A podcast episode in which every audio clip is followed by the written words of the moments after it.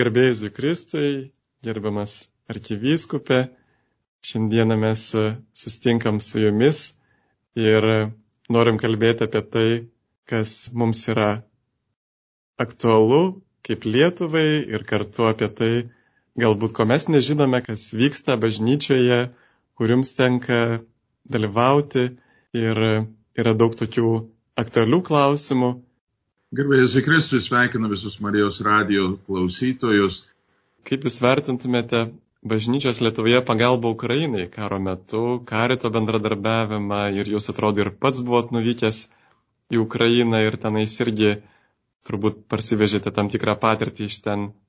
Taip, aš kaip tik tą kapelioną kuris atvyko iš Ukrainos kariuomenės kapelioną. Su juo susipažinau Ukrainoje prieš metus. Mes kartu lankėme jų sužeistus karius ligoninėse. Ir tai buvo irgi labai ypatinga patirtis. Bet ten irgi prieš metus lankiau abiejus Ukrainos karitus. Tai yra rytų apieigų bažnyčios karitą ir lotynų apieigų bažnyčios karitą ir toliau mūsų karitas daro milžinišką darbą paremti Ukrainos karitas rinkliavos mūsų bažnyčiose, bei kiti. Jie dabar buvo nuvykę prieš pat Mindauginės į Kievą, ten buvo arkivyskupas Virbalas susitikęs su lietuvių bendruomenė, ten aukojo mišes ir tuo pačiu vyko su juo karito atstovai, jie susitikinėjo su Ukrainos karitu O įspūdis ten, tai kaip kapelionai daro nuostabų darbą atsiliepiant į tą didžiulį iššūkį sielovados teikime, tai karito struktūra karo metu labai smarkiai išplito, labai reaguoja į tuos iššūkius ir jų yra nepaprastai daug ir jie supranta, kad jie dabar karo nelaimėse eina, talkina, padeda, bet tuo pačiu ir ruošiasi po karo, nes supranta, kiek tie iššūkiai bus dideli atstatyti valstybę, atstatyti e, ne tik bažnyčią, bet ir santykius tarp žmonių padėti. O mūsų karitas tikrai gražiai darbuojasi su pabėgėlių prieimimu, ypač čia ne tik renka pagalbą siūsti į Ukrainą, bet darbuojasi padedant, priimant tuos karo pabėgėlius iš Ukrainos, kurie čia atsiranda ir padeda santykiai jų palaikyti, tarpininkauja mūsų šeimos centrai, turi projektus, kur irgi šeimas šeimai. Turim tokių projektų čia Lietuvoje, kur lietuvių šeimos padeda ukrainiečių šeimoms, bet yra ir projektas su Ukrainoje esanti šeimom ir Lietuvoje esanti šeimom, kur užmesga ryšį, palaiko vieni kitus. Ir ta krikščioniška bendrystė, pagalba ištiesta ranka tikrai duoda vaisių ir teikia pagalbos, rodo tą mūsų krikščionišką bendrystę vieni su kitais. O kaip Jūs manote, ar mes turėtume bijoti karo čia Lietuvoje? Baimė, sakyčiau, bijoti tą prasme tai ne, NATO viršūnių susitikimas vėl mūsų užtikrino, kad yra už mūsų stovi didžiulė jėga. Tačiau pasiruošti, pasirenkti tokią nelaimės atveju reikia. Mes su vidaus reikalų ministerija dabar vyskupų konferencija tarėmės apie programas, kurios padėtų pasiekti tikinčiuosius su reikiama informacija. Manau, kad tikintieji matys per ateinančią vasarą, rudenį, kai vyks atlaidai tai bus šalia įprastų būdelių, kur pardavinėja ar literatūrą, ar saldainius, ar Marijos radijos būdelė, kur renka aukas, turėtų būti ir vidaus reikalų ministerijos, ar policijos, ar civilinės apsaugos, kuri teiks informaciją, kaip galima būti pasirengus kažkokiai nelaimiai. Ir tai visi tie dalykai, kur reikėtų turėti namuose pasirengusius, mes gyvenam tokiam laikė ir tokioj vietoj, kad e, atsargumas nedaro gėdos. Geriau būti pasiruošus jiems ir tai nėra nei baimės įrodymas, nei silpnumo, kaip mes jau pratę prieš gaisrinės įrangas turėti ir bažnyčiose, ir savo namuose, įstaigose. Taip ir čia. Nereiškia, kad mes laukiam gaisrų, bet jeigu kas nors atsitiktų, kad būtumėm pasiruošę. Ir tas pats su geopolitinė sritimi, kad turime būti blaiviai mąstantys, pasiruošę kažkokiam nelaimėm, bet tuo pačiu ir nereikia perdėti baimės jausmom, nes tikrai turime užnugarį ne tik mūsų kariuomenę, bet visus mūsų sąjungininkus. Tai ta prasme, o dar labiau pasikliauti Dievu. Gailestingumo Jėzau pasitikiu tavim moto yra mūsų gyvenimo šūkis ir todėl reikia ir tuo gyventi, ne tik melstis, bet ir pasitikėti, kad Dievo ranka globos mus kur mes bebūtumėm, kokioje situacijoje mes atsirastumėm. Tai tas pasitikėjimas Dievu ir malda svarbu, bet taip pat žmogui reikia imtis ir savų priemonių, kad būtumėm pasiruošę. Taip ir šita nelaimė Ukrainoje, karas Ukrainoje panašu, kad mus artina ir su ortodoksų, būtent Konstantinopolio ortodoksų bažnyčia, nes žinom tą istoriją apie kunigus, kurie, ortodoksų Maskvos patriarchato kunigus, kurie dėl savo sąžinės norėjo ir buvo išmesti iš savo bažnyčios ortodoksų ir juos priėmė Konstantinopolio patriarchas.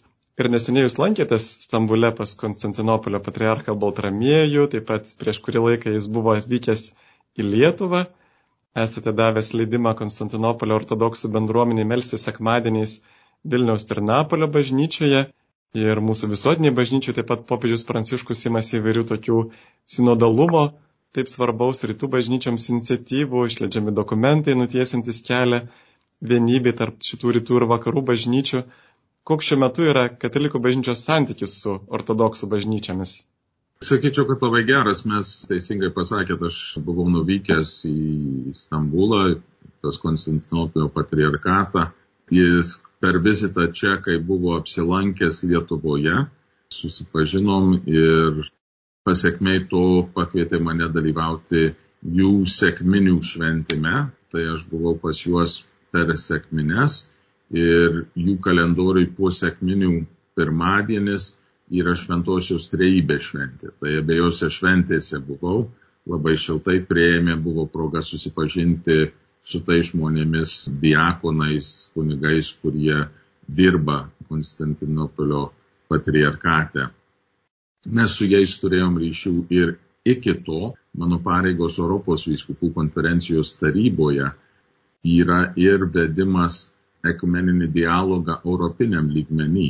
Tai mes turime katalikų ortodoksų forumą, kuris kas porą metų renkasi tęsti diskusijas to ekumeninio kelio formavime, įgyvendinime ir aš esu popirmininkas iš katalikų pusės, o patriarkas Baltramiejus skiria vieną iš savo arkivyskupų metropolitų būti koordinuojančiu, pirmininkaujančiu iš ortodoksų pusės.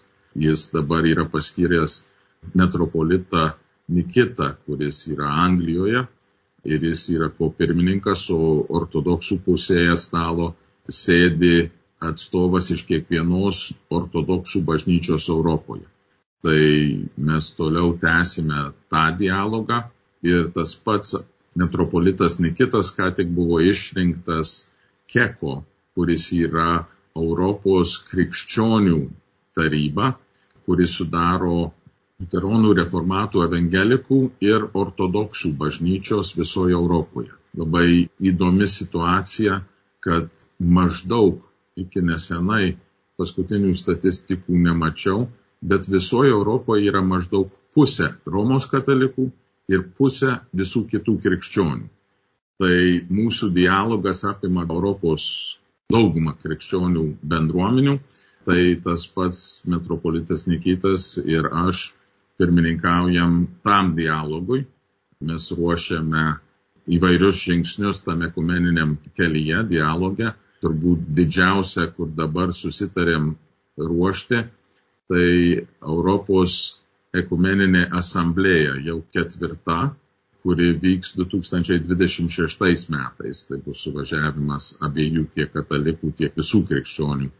Ir tęsime tą kelią kartu. Tai tiek su ekumeniniu patriarkatu, Konstantinopilyje, tiek mūsų Europos vyskupų konferencijos tarybų lygmenyje. Tas dialogas toliau vyksta, jis čia ne pradžia, iš tikrųjų jau daug metų einam to keliu.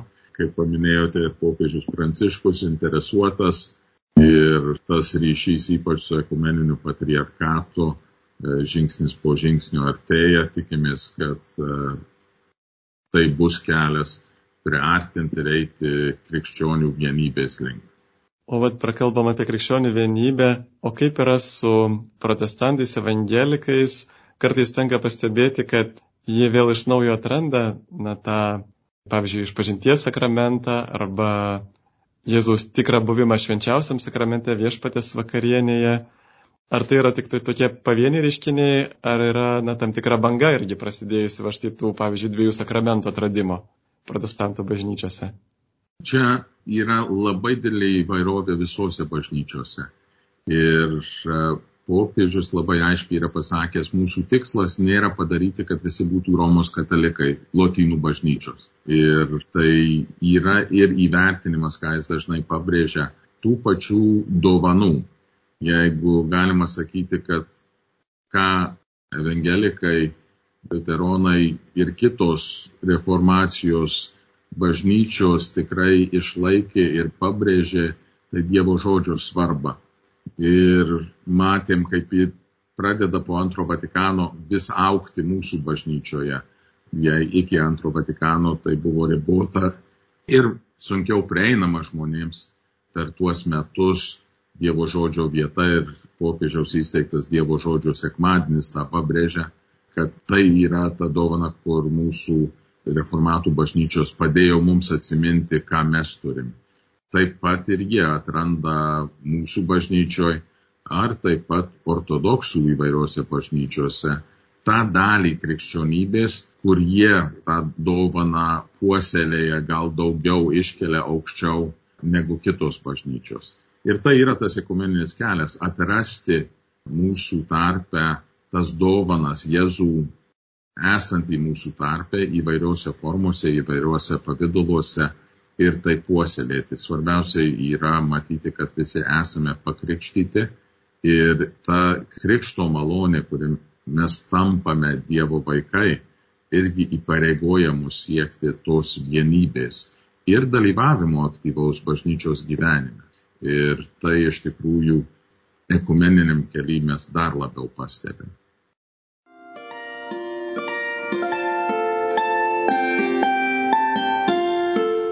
Jūs girdite Marijos radiją.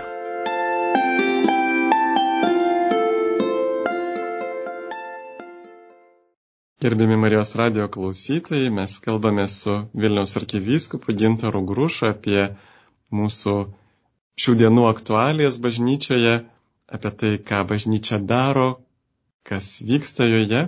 Prie mikrofono aš kuningas Sigitas Jurkštas.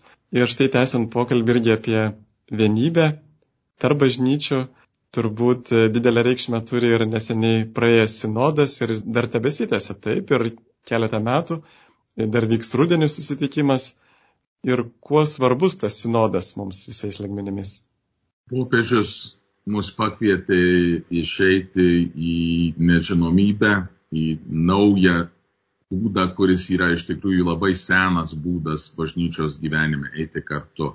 Man labai patiko, buvau nesenai Romoje ir kalbėjausi su kardinolu Grek, kuris yra sinodo vadovas. Jis organizuoja tą sinodą švento tėvo padėjėjas, ta prasme. Ir jisai buvo susitikęs su dviem vyskupais iš rytų, iš artimųjų rytų.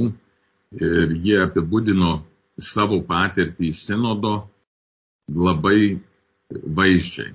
Jie sako, kad mes einame sinodo kelią Abraomo sandaluose. Ir tai yra priminimas, kad Abraomas buvo Dievo pašauktas palikti savo kraštą ir išeiti į nežinomybę, į kurią Dievas jį vedė. Tas vedimas atvedė Abraomą ir iš jo kilo visa bažnyčia, kilo įvairios net, sakyčiau, bažnyčios išrinktoji tauta ir iš išrinktosios tautos ir išganytojo ateimas. Tai tas ėjimas į nežinomybę, ta nesenai liturgijoje skaitėm, kaip Abraomas buvo Dievo pašauktas paukoti savo sūnų. Tokie nesupratimai, kur Dievas veda ir kaip jis gali tokių dalykų prašyti, tai tas ėjimas Dievo Abraomo sandaluose yra ir apibūdinimas, kaip mes dabar einame. Mes einam į sinodą, einam sinodiniu keliu ir bandom išmokti naujai, kaip būti bažnyčia, kad tai nėra tik tai visais eilės taisyklių įgyvendinimas, kuris atskiria geruosius nuo blogųjų. Iš tikrųjų, bažnyčioje yra visko, yra visokių žmonių su savo dovanomis ir su savo silpnumais ir su savo nuodėmėmis ir kaip mes galim visi likti toj vienoj šeimoje. Tai tas procesas, tas kelias yra pradėtas, prasidėjo mūsų vyskupijų lygmenyse, jau buvo ir kontinentiniai suvažiavimai, dabar ruošiamės, laukiam to suvažiavimo Romoje, kuris vyks spalio mėnesį. Šitas kelias yra iš tikrųjų įsiklausimo šventosios dvasios vedimo procesas. Vienas labai įdomus dalykas dėl spalio sinodo, tai yra, kad darbo dokumentas, kur nesenai buvo išleistas, nėra projektas galutiniam dokumentui. Yra iš tikrųjų beveik pusė to dokumento yra klausimynas maldai ir mąstymui įvairiose srityse. Ir dalyvaujantis yra kviečiami skirti laiko apmastyti tuos klausimus ir atsinešti maldos rezultatą į tas diskusijų grupės, kurios vyks sinodo metu. Ta mes matėm irgi europiniam lygmenį, kad mes suvažiavom į Pragą be parengto projekto dokumentui. Ir tai buvo didelis iššūkis mūsų komitetui, kuris turėjo suredaguoti, bet iš tikrųjų surinko medžiagą, kur buvo iškelta suvažiavusių atstovų ir dalinosi, bandė sujungti ją į vieną baigiamąjį dokumentą, kad atspindėtų tą, ką dvasia kalba per žmonės susirinkusius. Tai yra siekis atpažinti dvasios balsą. Tas pats bus ir Romoje ir tikslas labai matomai kartojasi įvairiuose kontinentų suvažiavimuose atpažinti charizmas ir tarnystės bažnyčioje, kad jos būtų iš tikrųjų suprantamos kuo plačiau, kad nebūtų viskas palikta tik ant vyskupų ar tik ant kunigų, bet kad tai būtų pasidalinimas Jau mes turim tą bažnyčios kanonų teisės kodeksą, pasidalinimą, bendravimą, bendrystę su pasauliečiais, darbų pasidalinimą, mes turim tiek ekonominės tarnybas ir sielovados tarybas mūsų parapijose. Gal čia bus paspartinimas, kad jos geriau organizuotųsi, geriau veiktųsi, bet mes matom tą ir popiežiaus išleistuose dokumentuose tiek apie kateketus ir jų tarnystę ne kateketus, kaip mes suprantam čia Lietuvoje, kur jie tik tai ruošia vaikus sakramentam ar suaugusius kartais, kur ateina, bet kaip e, net labiau e, vykdant tą evangelizacinį ir bendruomenės būrimą. Yra kateketų darbas Afrikoje, Azijoje, salose, kur nėra kunigų, kaip ir Amazonijoje, kad ne be šventimų ne diakonai, ne kunigai, bet kateketai parengti teologiškai būrė savo bendruomenę, kai nėra kunigų. Tai būrė skaito Dievo žodį, dalinasi ir kūruoja tą bendruomenę nesant kunigui. Naujos formos yra ieškomos, kaip bažnyčia gali veikti. Ne tik kažkokiu vienu modeliu, Ir tą mes matom pasauliniu mastu, kad bažnyčia skirtingose vietose labai skirtingai veikia. Ir šie padalinimai, kaip mes tą galim daryti, besikeičiančiam pasaulyje. Mes dabar turim naujų iššūkių. Ir Europa labai pasikeitus nuo to, kas buvo prieš 50 metų. Ir turim atsiliepti ir šitas sinodinis kelias, dalinimasis, kalbėjimas ir svarbiausiai klausimas šventosios dvasios maldoje padės mums atrasti, kur Dievas veda bažnyčią šiandienai. Tai tas kelias neužsibaigs spalio mėnesį, dar popiežius yra numatęs 24 metų spalio dar vieną ir bus įdomu pamatyti tarp tų dviejų susitikimų Romoje, kas vyks. Ir yra kalbėjimų, kaip tiek teologai, tiek kanonistai, tiek bažnyčios bendruomenės ieškos jau iškeltų rūpeščių sprendimų, naujų struktūrų, naujų būdų veikti, kaip skleisti Dievo žodį pasaulyje, kur daugam jau užmiršti patys svarbiausi gyvenimo dalykai ir siekiant jiems padėti juos vėl atrasti. Tai didelis iššūkis, bažnyčios gyvenimas, bet tačiau ir sinodas padeda mums eiti ir kaip e, tie vyskupai sako, išeiti sinodiniu keliu Abraomo sandalose. Taip ir kaip tik tęsiant e, šią vienybės ir šventosios dvasios vedimą ir temą ir apie Abraomo temą, turbūt esate kažkiek susipažinę su tuo nauju reiškiniu bažnyčioje mesijinių žydų judėjimu, kada žydai atranda Jėzų Kristų per įvairių konfesijų krikščionis. Ir tuo pat metu jie pasilieka žydais, jie neišsižada savo žydiškumo, žydiškų papročių, Kaip manot, ar šitas judėjimas yra iš Dievo, arba galbūt tai yra toks gal ir neteisingas tarsi supratimas, kad štai aš priimu Kristų, bet vis tiek laikau tuos senus dalykus iš Senojo testamento. Tai yra irgi vienas iš charizminių judėjimų, kur yra pasirodę. Ir kaip su visais charizminiais judėjimais reikia ir to atpažinimo, kur dvasia veikia. Um, kaip ir su įvairiom grupėm, su ta grupe yra klausimų, yra neaiškumų ir manau, kad reikia atsargiai su, su ta, bet kad žydai eina krikščionybės keliu, tai tai buvo nuo pirmų šimtmečių, atranda, bet dažniausiai ateina pilnai, nebūtinai turi atsižadėti visiškai faktų, kad jie yra žydų kilmės, kaip ir buvęs Paryžiaus kardinolas Lustyžiai buvo žydų kilmės, bet tapo katalikų kardinolu ir turim daugiau tokių pavyzdžių.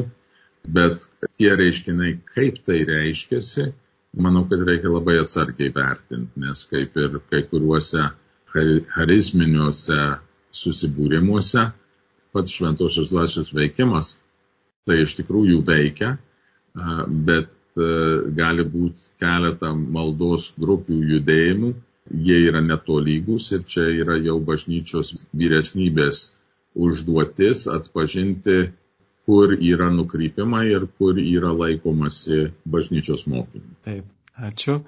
Ir mūsų visuomenėje taip pat visi žinom apie tas žaizdas, problemas bažnyčioje, kunigų gyvenime ir ieškom būdų, kaip su jomis kovoti dėl nepilnamečių išnaudojimo.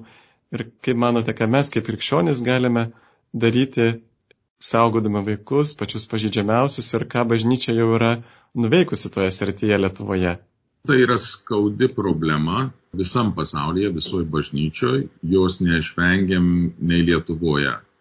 Iš tikrųjų, tai nėra tik tai bažnyčios problema, ji yra visoje visuomeniai ir bažnyčia turbūt yra daugiau nuveikus toje srityje pasauliniu mastu negu bet kokia kita institucija.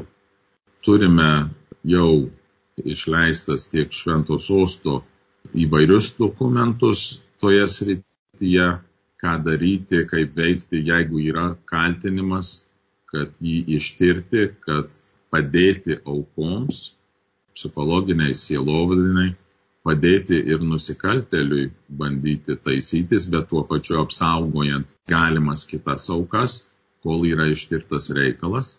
Tai tos gairės jau priimtos mūsų vyskupų konferencija yra tų atvejų, kur buvo ištirti ir Lietuvoje, kur gal sunkumai tai yra, kad e, žmonės e, dar vis e, drovisi pranešti tais atvejais. Suprantama, kad tai vyksta ir šeimose, ten turbūt didžiausia vieta, kur tie nusikaltimai vyksta ir tas spręsti yra itin sudėtingai, bet vaikus būtina apsaugoti, nes jų teisės šiuo atveju yra pirminis, kad e, žalą sumažinti. Todėl taip svarbu, kad jei kas nors žino apie tokius atvejus, e, kad jie praneštų tiek teisėjai saugai, jei yra nusikaltimas, tiek bažnyčios sistemoje yra kiekvienoje vyskupijoje tų žmonių, kur yra pasirengę priimti skundus ir juos tirti. Mes turim ir prevencijos sistemos, sakyčiau, pradžią. Dar jinai turi būti auginama, tobulinama. Mes dirbame, jau turim kontaktus su vaikų apsaugos centru Krokuvoje, kuri mūsų regione turbūt pažangiausia jau nuėjusi šio toj srity. Gaunam informacijos iš Vatikano, nes jinai buvo ir ekspertas iš tos ryties atvažiavęs į Lietuvą ir kalbėjomės su juo, bet tie dalykai jau buvo pristatyti tiek mūsų kunigams, mūsų gairės, kaip pradėti apsaugoti, tiek seminaristams kelis kartus ir paskaitos apie kanonus, apie teisę, apie psichologiją yra išimtos pažymos iš vidaus reikalų ministerijos registro, kas pagal gairės reikalaujama apie neteistumą tiek darbuotojų, tiek savanorių, kurie dirba ar turi kontaktą su vaikais, tiek ir kunigų, kad būtų užtikrinta pažyma, vidaus reikalų ministerija juos išduoda organizatorių ar darbdavio prašymu, užtikrinti, kad nebūtų kažkas, kur turi tą problemą, kartais net ir lygą, ir kad maksimaliai apsaugotumėm mūsų vaikus. Žinoma, kad reikia ir dėl to melstis, ir dėl žaizdų gydymo, tiek aukų pirmoji vietoj, tiek ir, ir dėl tų pačių nusikaltelių, kad jie atsiverstų ir, ir kad būtų jaunimas nepilnamečiai apsaugoti.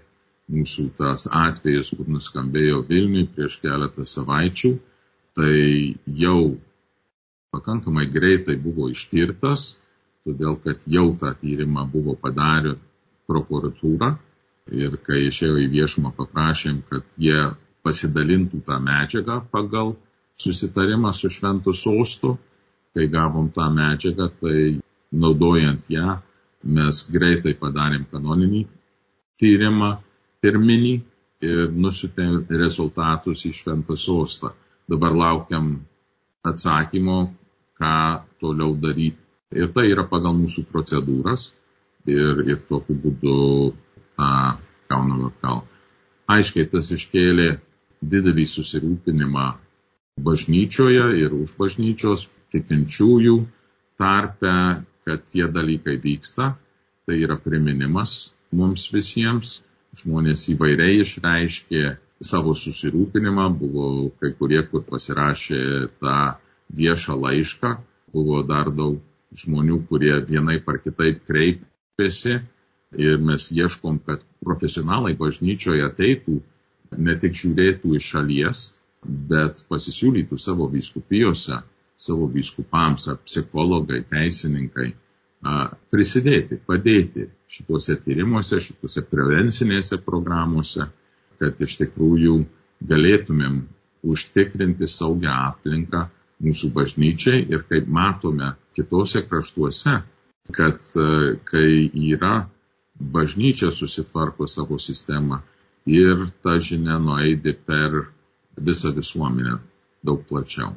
Ne tik katalikų bažnyčioje, visose religinėse bendruomenėse, mokyklose, jaunimo sporto komandose, šeimose. Tai yra didelė problema mūsų pasaulio visuomeniai ir bažnyčia tikrai popiežius Pranciškus ypač ėmėsi veiksmų, kad siekiant užtikrinti tą apsaugą vaikams ir kad būtų ir gydimas, ir atstatymas teisingumo šitoje srityje.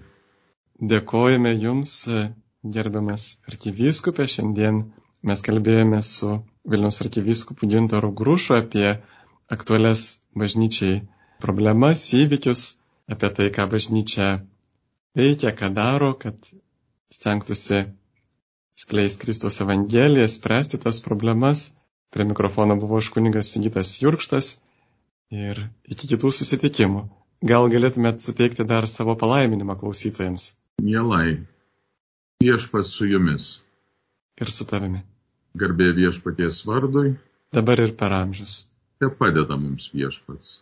Dangaus ir žemės kuriejas. Te laimina jūs visus visagalis Dievas, Tėvas ir Sūnus ir Šventoji Dvasia. Dėkojame, čia viskupė. Ačiū. Jums. Su Dievu.